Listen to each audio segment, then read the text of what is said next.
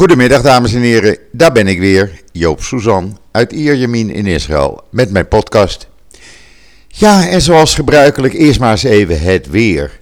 Nou, het is gewoon heerlijk, lekker voorjaarsweer. En 20, 22 graden, s'nachts is nog wel koud, maar de komende dagen zien er uh, goed uit. En dat komt, uh, ja, dat komt prima uit eigenlijk. Want half Israël is vrij vanwege de Pesach. Maar daar kom ik zo meteen op terug.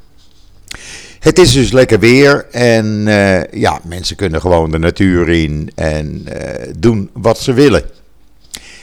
Uh, later in de week, nou, ze zeggen er komt nog een klein regenbuitje. Nou ja, het zal dan wel. ondertussen kan er op de Germon geskiet worden. Kan er in Elat gezon, kan je zonnen. En in de rest van het land, ja, gewoon met een uh, overhemdje of t-shirtje, uh, zelfs de korte broek zie je weer op straat. Dat gaat allemaal prima. Ja, en dan Pesach. Nou, dat was wel iets bijzonders afgelopen zaterdagavond.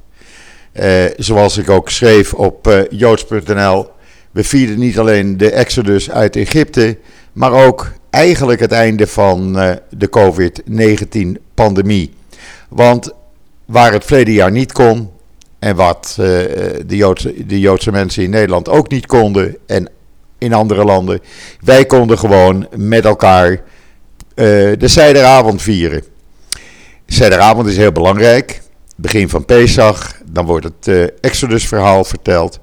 Maar er wordt, en dat is het allerbelangrijkste, heel veel gegeten. Echt heel veel gegeten. En dat doe je dan niet alleen, dat doe je met familie, zo hoort dat, met familie, vrienden. En ja, ook zaterdagavond was het dan weer eindelijk, eh, nadat we het verleden jaar hadden moeten missen, de ene helft van Israël ging bij de andere helft op eh, bezoek. En dat geeft dan uh, ja, op, de snel, op de wegen, op de snelwegen, ongewone tafereelen. Uh, kijk maar even naar het filmpje in dat artikel. Want bijvoorbeeld zaterdagavond om kwart over elf bij mij uh, in de buurt uh, naar en van de snelweg was gewoon uh, rush hour. Het was files. je staat dan ook s'nachts op de snelweg mm, in files. Dat is heel gewoon. Want ja, iedereen eindigt zo'n beetje weer op dezelfde tijd. En dan ga je weer naar huis. En dat gebeurt dus allemaal en masse. En dat maakt Israël ook weer bijzonder, want ik denk niet dat er een ander land in de wereld is waar je dit uh, ziet. Maar goed, ik uh, ben bij een van de kinderen geweest en daar hebben we uitgebreid uh, ja, het Pesach-verhaal natuurlijk voorgelezen. De kinderen hebben veel gedaan. Manis daarna hoort erbij. Manis daarna Halayla Zee. Wat maakt deze avond anders dan andere avonden?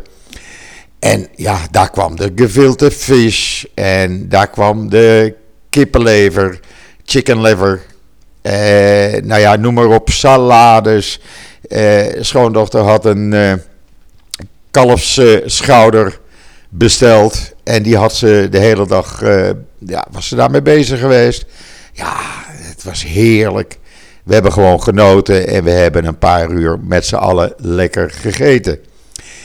Ja, en dan uh, ging ik naar huis om een uur of tien. En dat was net, uh, net voor het begin van de drukte.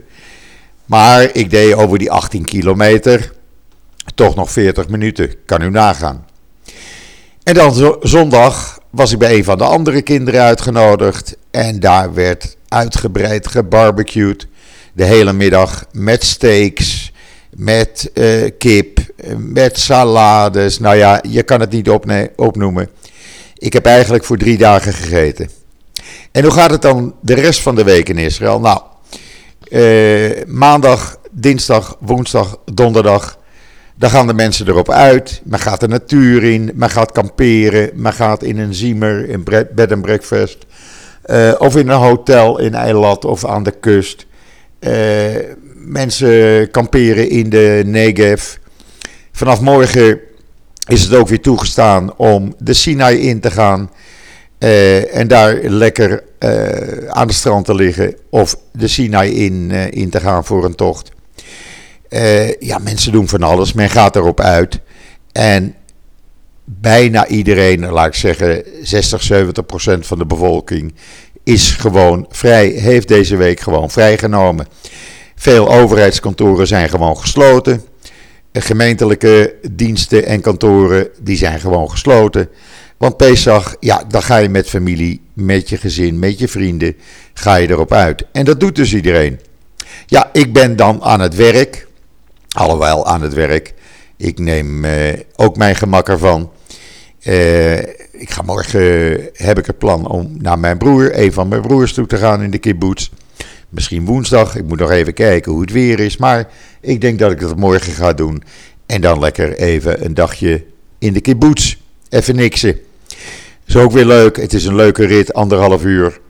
En uh, ik geniet daar eigenlijk altijd van. En voor de rest, ja, wat vrienden bezoeken. Uh, gewoon je gemak ervan nemen. Want dat is ook Pesach. En het is, ja, ik vind het elk jaar weer iets bijzonders om dat hier in Israël mee te maken. Hoe een heel land eigenlijk uh, Pesach viert. De meeste mensen doen het. Uh, van de Joodse bevolking eet zo'n 70, 75 procent eet matzes de hele week. Uh, ik doe het ook. Alhoewel, het is niet mijn lievelingsmaaltijd. maar goed, je doet het uit traditie. En uh, als je dus nu in de supermarkten komt, dan zie je de uh, vakken waar uh, het voedsel ligt wat niet tijdens Pesach mag en kan worden gegeten. Ja, dat wordt dan afgedekt. Dat kan je dus niet kopen. En dat wordt ook niet verkocht. ook in die kleine buurtwinkeltjes, daar gebeurt hetzelfde. de macollet, zoals dat heet. Uh, ik kwam met een van de macolets gisteren en ik zag gewoon, ja, uh, allerlei uh, noten en kauwgum en noem maar op. Dat was allemaal afgedekt, werd niet verkocht. Whisky wordt er ook niet verkocht, wijn natuurlijk wel, in grote hoeveelheden, want ook bij die Pesach-maaltijden, ja, daar hoort natuurlijk een heleboel wijn bij te worden gedronken. Je moet al uh, uh, vier of vijf glazen drinken, leunend, tijdens de bezigmaaltijd.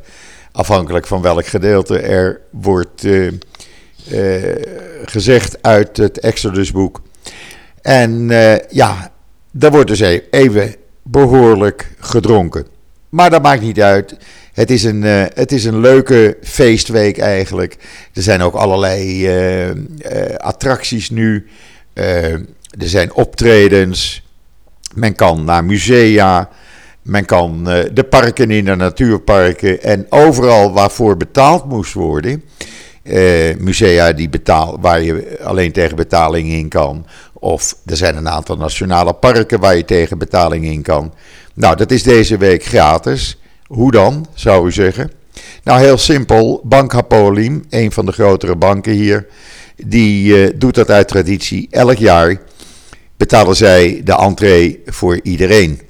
Dat betekent dat ook mensen die het niet zo breed hebben, die kunnen dan uh, een museum in, die kunnen een park in waar ze anders geen geld voor hadden. En dat is natuurlijk een prachtig mooi gebaar, een cadeau aan de hele bevolking. Wat ook mooi is, is dat uh, al die acties uh, om mensen die ja, geen geld genoeg hebben om Pesach-boodschappen te doen. Al die acties die zijn enorm geslaagd. Er zijn uh, zo'n ruim 600.000 gezinnen hebben allemaal Pesach-boodschappen gratis thuis geleverd gekregen. Uh, iedereen die wat missen kon, heeft daaraan betaald. En er was genoeg geld opgehaald om uh, ruim 600.000 arme, arme gezinnen van Pesach boodschappen te voorzien. Zodat die ook een zijdermaaltijd konden maken. En ook deze week gewoon uh, alle producten kunnen eten die toegestaan zijn tijdens de Pesachweek. En dat tekent ook weer Israël. Ik heb daar een klein artikeltje voor op JoodsNL gezet. U kunt dat nog teruglezen. Hoe die organisatie werkt. Hoe ze dat doen. Voor 18 shekel. Uh, als je 18 shekel stortte dan kon één persoon al gedurende Pesach eten. En zo kon je dat verveelvoudigen. Ik weet dat ook velen van u die dat artikel hebben gelezen, uh, hebben mij laten weten dat ze ook iets gestort hebben ik vind dat mooi. Het was niet de bedoeling dat ik daar op uit was, maar ik vind het mooi dat mensen dan zeggen: Nou, weet je wat, ik stort ook een paar euro en draag ik ook mijn steentje bij vanuit Nederland. Hartstikke mooi. Ja, en dan voor de rest, wat gaat er dan gebeuren? Uh, we hebben nu uh, de verkiezingen gehad. U weet de uitslag. Er is geen meerderheid. Uh, het kwam erop neer dat nadat alle stemmen gelijk, alle stemmen geteld waren, kwam het blok van premier Netanyahu, het rechtse religieuze blok, op 52 zetels uit. En de partijen die tegen Netanyahu zijn, het oppositieblok, komt uit op 57 zetels. In dat blok van Netanyahu, ik heb het al eerder gezegd, zitten een aantal ultra, ultra-orthodox uh, religieuze, nee, sorry, ultra-rechtse uh, personen. Uh, eentje is een aanhanger van Kahanisten. ja, dat, dat wil je niet hebben in de regering. Maar goed, Netanyahu had gehoopt dat hij daardoor een meerderheid zou krijgen. Nou, dat is dus niet gelukt. We hebben nu de situatie dat dus, ja, eigenlijk zou je zeggen, er moeten weer opnieuw verkiezingen komen. Ik denk dat men probeert uh, het volgende scenario. Uh, ten eerste, we hebben de islamitische Ra'an-partij, die heeft vier zetels gehaald. Die is gesprekken aan het voeren met de oppositie. Maar die hebben al een eisje uh, neergelegd op tafel en gezegd van luister, wij willen meedoen, maar dan willen we dit en dan willen we dat. Ja, uh, dat gaat een beetje tegen de oppositie uh, in. Het zijn eisen waarbij bijvoorbeeld je mag dan niet meer harder optreden tegen terroristen. En nou ja, ik weet niet of dat nou wel goed is. En andere optie die reëler lijkt, is de volgende. Zodra de nieuwe Knesset ingehuldigd is, zodra die bijeenkomt, wordt daar een nieuwe voorzitter gekozen. Die zal waarschijnlijk uit de oppositie komen. Dan hebben de oppositiepartijen al gezegd, dan komen wij met een wet uh, waarin een, iemand die strafrechtelijk wordt vervolgd geen regering kan samenstellen. Dat zou erop neerkomen dat dan, als die wet wordt aangenomen en die 61 stemmen die ervoor nodig zijn, die zijn er, uh, dan, ja, dan kan Netanyahu dus geen regering samenstellen. Dan heb je twee mogelijkheden. De ene is dat de Likud zegt: oké, okay, die wet is aangenomen, wij willen wel meeregeren en wij benoemen iemand anders. Dan zou daar een samenwerking uit kunnen komen. Waarbij de Likud met Lieberman, met uh, Bennett, Jamina. En zelfs met uh, Blue and White, Benny Gans en Yair Lapid van Yesatit. een regering zou kunnen samenstellen. Die dan op meer dan 75 zetels uit zou komen. Dat zou de beste oplossing voor het land zijn. Als je vanmorgen de kranten opslaat, de Israëlische kranten, dan staat daar ook: zonder Netanyahu zou uh, het probleem opgelost zijn. Gaat dat niet gebeuren, blijft de Likud vasthouden aan uh, premier Netanyahu. Ja, dan uh, denk ik dat er niets anders op zit voor iedereen om een vijfde verkiezing uit te gaan schrijven. Die zou dan ergens eind augustus plaats kunnen vinden. Waarbij dan ja, Netanyahu gedisqualificeerd is. Zodra die wet of die resolutie in de Knesset, Knesset, is aangenomen, dan is hij gedisqualificeerd, kan er niet aan meedoen. En dan zou je dus na die verkiezingen wel een regering kunnen gaan samenstellen. Het is niet in het belang van Israël, vind ik, om dit te doen. Maar ik kan me voorstellen dat ja, de Likud aan de ene kant zegt: nee, wij houden vast aan jou. Maar aan de andere kant, ja, bij de Likud weten ze toch ook wel dat als die wet is aangenomen en Netanyahu gedisqualificeerd wordt, ja, dan, uh, dan kan je wel vasthouden uh, aan je standpunten. Maar om dan het land voor een vijfde keer in iets meer dan twee jaar naar verkiezingen te slepen, daar win je ook geen stemmen mee.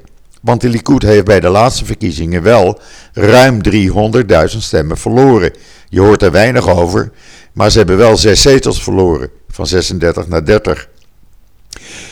Dus eigenlijk hoop ik, maar denk ik ook, dat de Likud zegt op het moment dat die wet is aangenomen, dat ze zeggen: jongens, laten we de koppen bij elkaar steken.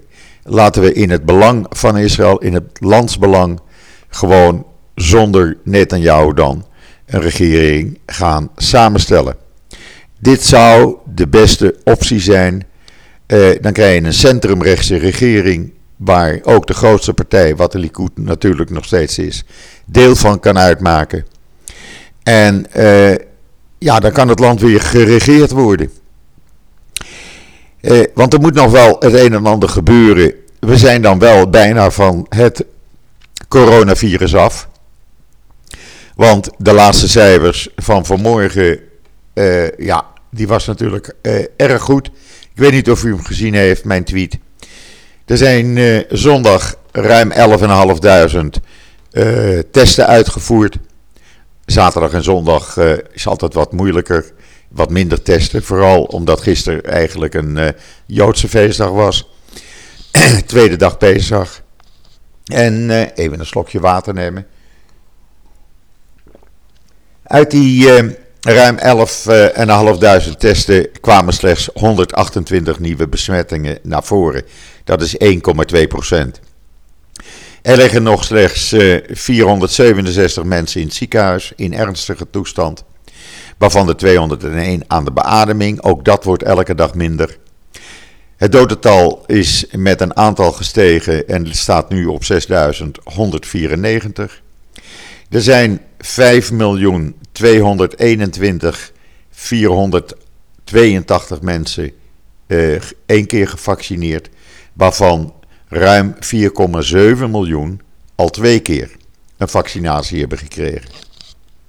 Dat gaat natuurlijk erg goed. Maar dan moet er ook weer wat aan de economie gebeuren. De economie moet weer volledig draaiend uh, worden gemaakt. We hebben in de Pesach, uh, in de dagen voorafgaand aan Pesach, kunnen zien dat de winkels overvol waren. Mensen gingen kopen als gekken. Uh, niet alleen voedsel natuurlijk, maar vooral ook kleding en meubels en serviezen en potten en pannen. Er werd gekocht omdat men een jaar lang eigenlijk niks kon doen. En dat is natuurlijk, geeft een goed gevoel. Ik merk dat aan mezelf. Je bent vrij. Je hebt je vrijheid terug. Je kan doen en laten wat je wil. De voetbalwedstrijden van het Israëlisch elftal. Daar uh, zaten 5000 man op de, op de tribunes.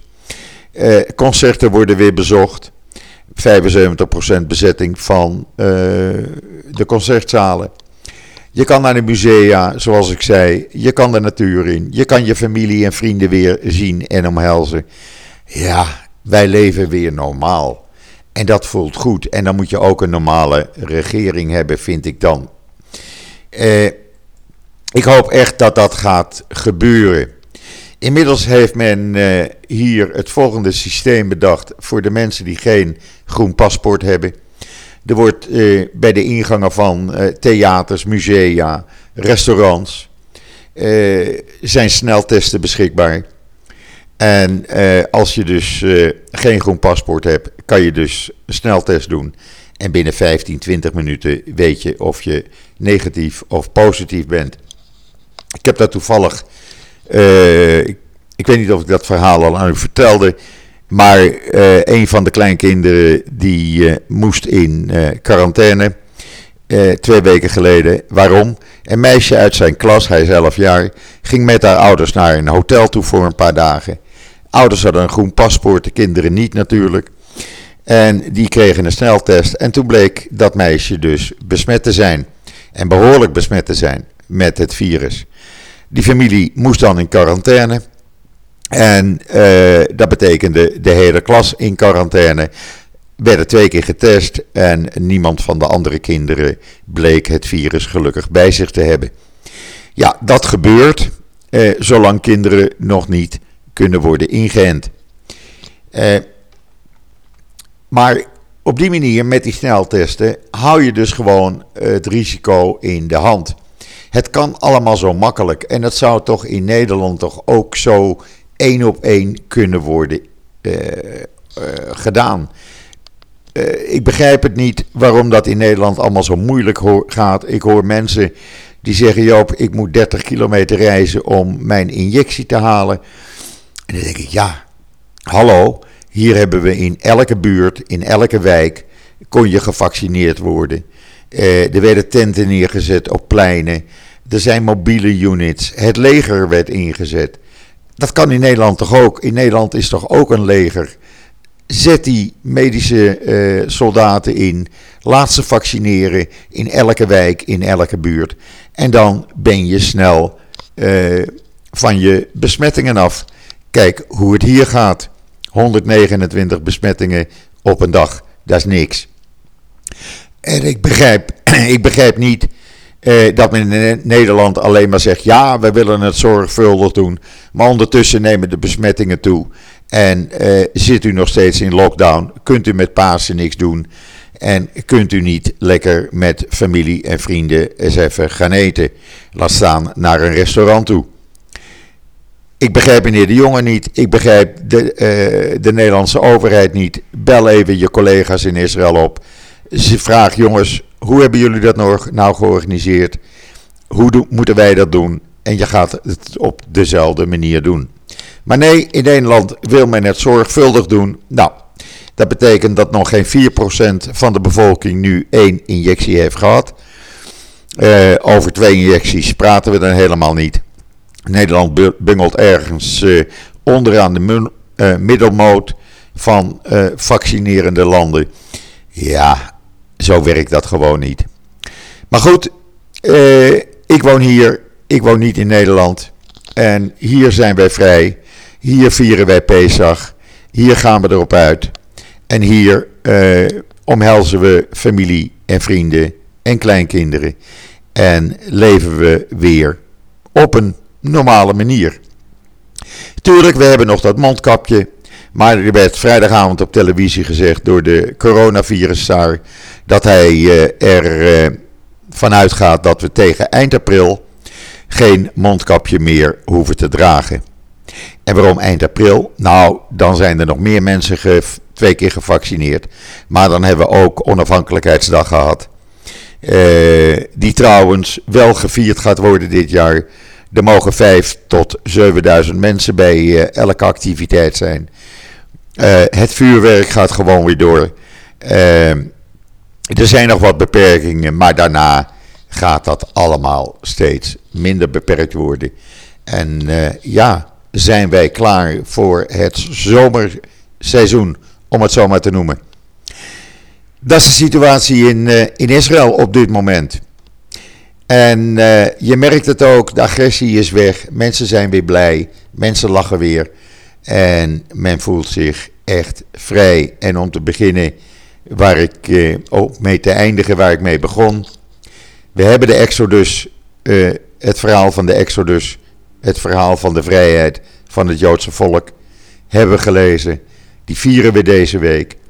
En we vieren deze week ook het bevrijd zijn van het virus, het coronavirus, wat het land een jaar lang lam heeft gelegd.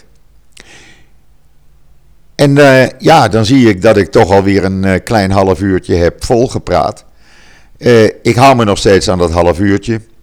Alleen als ik een gast heb, dan wordt dat wat langer natuurlijk. Dus ja, voor iedereen nog een hele fijne voortzetting van deze maandag. Voor, iedere, voor alle Joodse luisteraars. Geniet van deze Pesachweek. Geniet van de matzes. Geniet van de Pesach, typische Pesach maaltijden de gefilte vis. Ik vond het weer heerlijk. En het is heel raar, ik eet het alleen maar tijdens Pesach, terwijl je het het uh, hele jaar kan kopen. En wat mij betreft, ik hoop er donderdag weer te zijn. En zeg dan, zoals altijd, tot ziens, tot donderdag.